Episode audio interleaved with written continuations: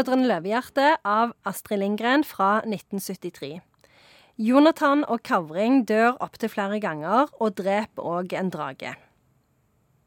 Var det oppsummeringen? Jeg tenkte jeg skulle være litt rask og ta det litt kjapt. Eh, 'Brødrene Løvehjerte' er vel en av de bøkene som eh, folk har lest, og så vurdert lenge om de skulle lese for ungene sine, og så kommet fram til at nei, det skal jeg ikke. For det er jo kanskje verdens tristeste bok. Vi hørte den eh, som lydbok eh, på en ferie, eh, og alle satt i bilen og grein. Vi grein oss gjennom Hellas, for å si det sånn. Uff a meg. Hva er det det handler om? Det handler om eh, Jonathan og Kavring. Og Kavring han, eh, han er syk, har sannsynligvis tuberkulose. Og så eh, mor, eh, mor er selvsagt alenemor, for faren har jo stukket av. Og så begynner det å brenne i huset hvor de har leilighet, og så eh, kommer ikke Kavring seg ut, for han er jo lenka til senga. Eh, og så tar Jonathan han på ryggen, og så hopper han ut, og så dør Jonathan. Men Kavring, han overlever. Eh, og så eh, får du en sånn en lang fortelling om at når han dør, så kommer han til Nangial, og så treffer han Jonathan igjen, men der må de kjempe mot en slags sånn ondskap. Og så på slutten så eh, er det Kavring som må ta Jonathan på ryggen, og så hopper de ut. Og så sier de ja, vi ses, ses i Nangilima, for da går de liksom videre til, til den neste verden. Så Astrid Lindgren, denne boka var jo veldig kontroversiell, fordi det var mange som mente at hun oppfordra til selvmord, da.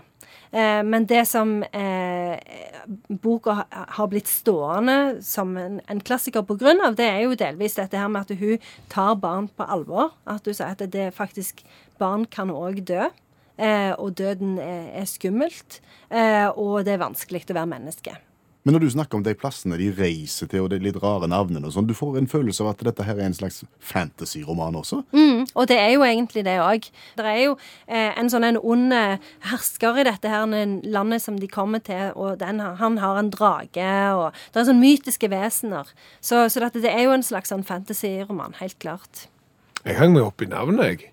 Kavring skal komme på det òg. Ja, han heter Carl, da. OK. Eh, Men de kaller han for Kavring. Ja. Eh, Men en og tørrpinn? Nei, han, men han er litt sånn skral. Okay. Så Sånn, ja.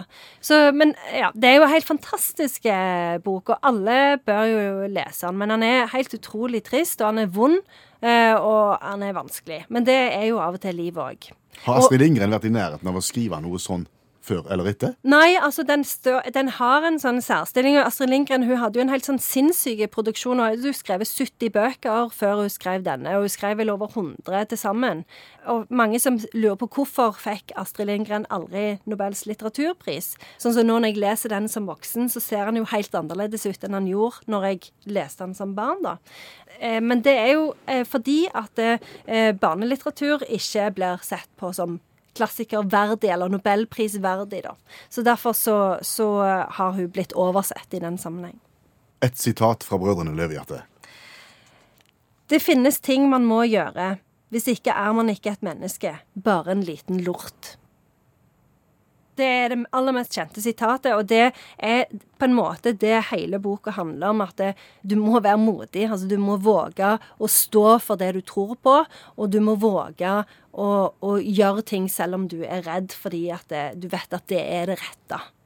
Jeg skal be deg oppsummere nå. Du får ikke lyst til å tøyse nå. Nei, jeg får ikke lyst til å tøyse nå i det hele tatt. Jeg ble trist bare av å høre om eh, denne boka.